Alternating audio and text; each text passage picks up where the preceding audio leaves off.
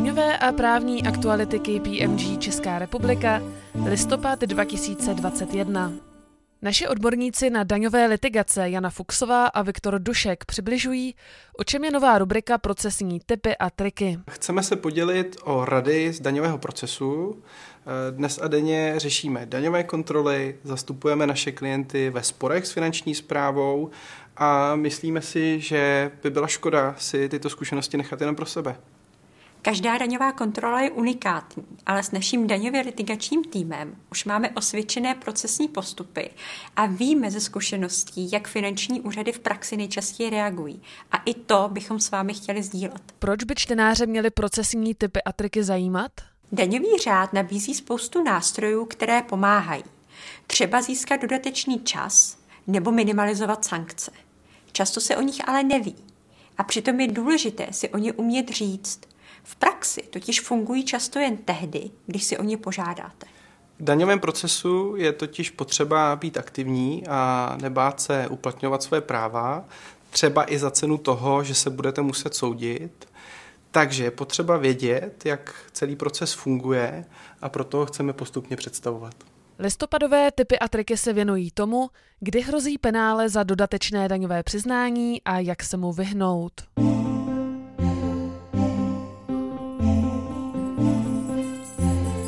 Daňové novinky Návrh zákona o dani z digitálních služeb poslanecká sněmovna v právě ukončeném volebním období neschválila. Pokud by nová vláda chtěla digitální daň zavést, musel by zákon projít celým legislativním procesem znovu. To ale vzhledem k dosažené dohodě o nových pravidlech mezinárodního zdanění na úrovni států G20 není pravděpodobné.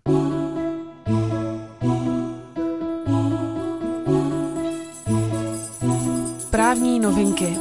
Ačkoliv je evropská i česká úprava zvláštních práv zaměstnanců vyslaných do zahraničí poměrně letitá, mnozí zaměstnavatelé o její existenci neví. Odstrašujícím případem může být pokuta 54 tisíc eur, které v aktuální kauze čelí slovenská společnost vysílající své pracovníky do Rakouska. Povinností zaměstnavatele je mimo jiné informovat o vyslání krajskou pobočku úřadu práce.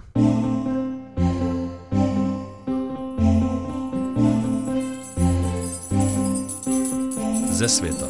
Evropský parlament schválil revidovaný návrh směrnice o modré kartě z roku 2009, která by měla zjednodušit pracovní mobilitu mezi členskými státy.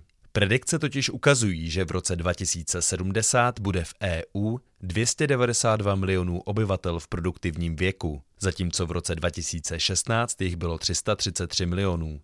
Tento trend by pro členské státy znamenal významný pokles pracovní síly.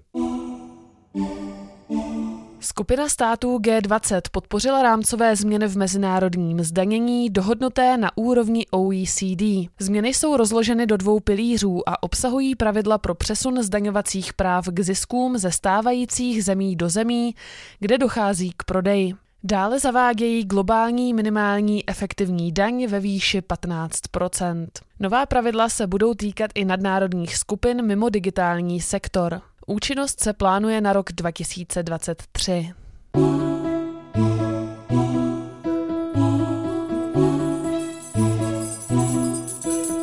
Z judikatury.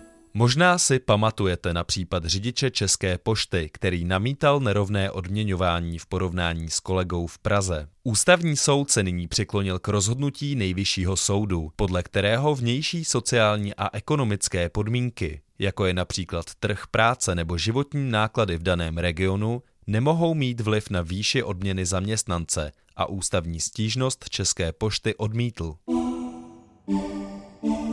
Krajský soud v Hradci Králové potvrdil názor správce daně, že není možné navýšit nepřekročitelný úhrn slev na dani vlivem diskontování a tím v konečném důsledku umožnit vyšší čerpání investiční pobídky, než jaká byla vymezena rozhodnutím Ministerstva průmyslu a obchodu o příslibu investičních pobídek. Soudní dvůr EU řešil, zda příspěvky pojišťovně na dotovaná léčiva představují pro účely DPH snížení fakturované ceny. Soud konstatoval, že pojišťovna je vůči dodavateli v pozici konečného spotřebitele. Skutečnost, že dostává příspěvky z obratu prodaných léků, vede k následnému snížení základu daně. Dodavatel je tedy oprávněn snížit původně deklarovaný základ daně, protože došlo ke snížení ceny.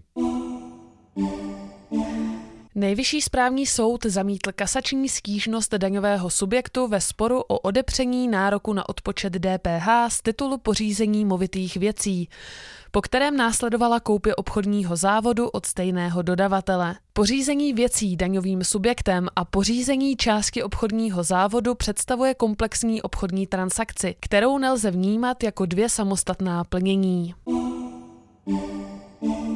Nejvyšší správní soud potvrdil, že nedaňové náklady nemohou být považovány za daňové jen proto, že daňový subjekt tyto náklady navýšené o ziskovou přirážku vyfakturuje mateřské společnosti v rámci poskytování služeb. Podrobnosti najdete na webu www.daňovky.cz.